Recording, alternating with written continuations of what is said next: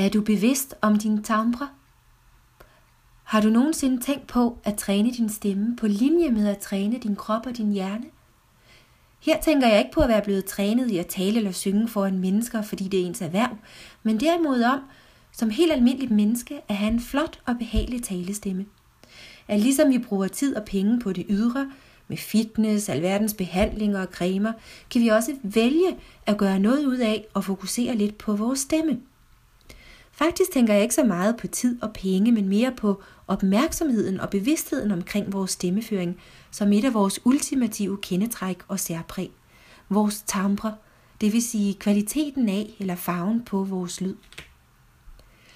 Timbre er unik, og that's something, der gør, at vi kan genkende en ganske bestemt stemme igen og igen.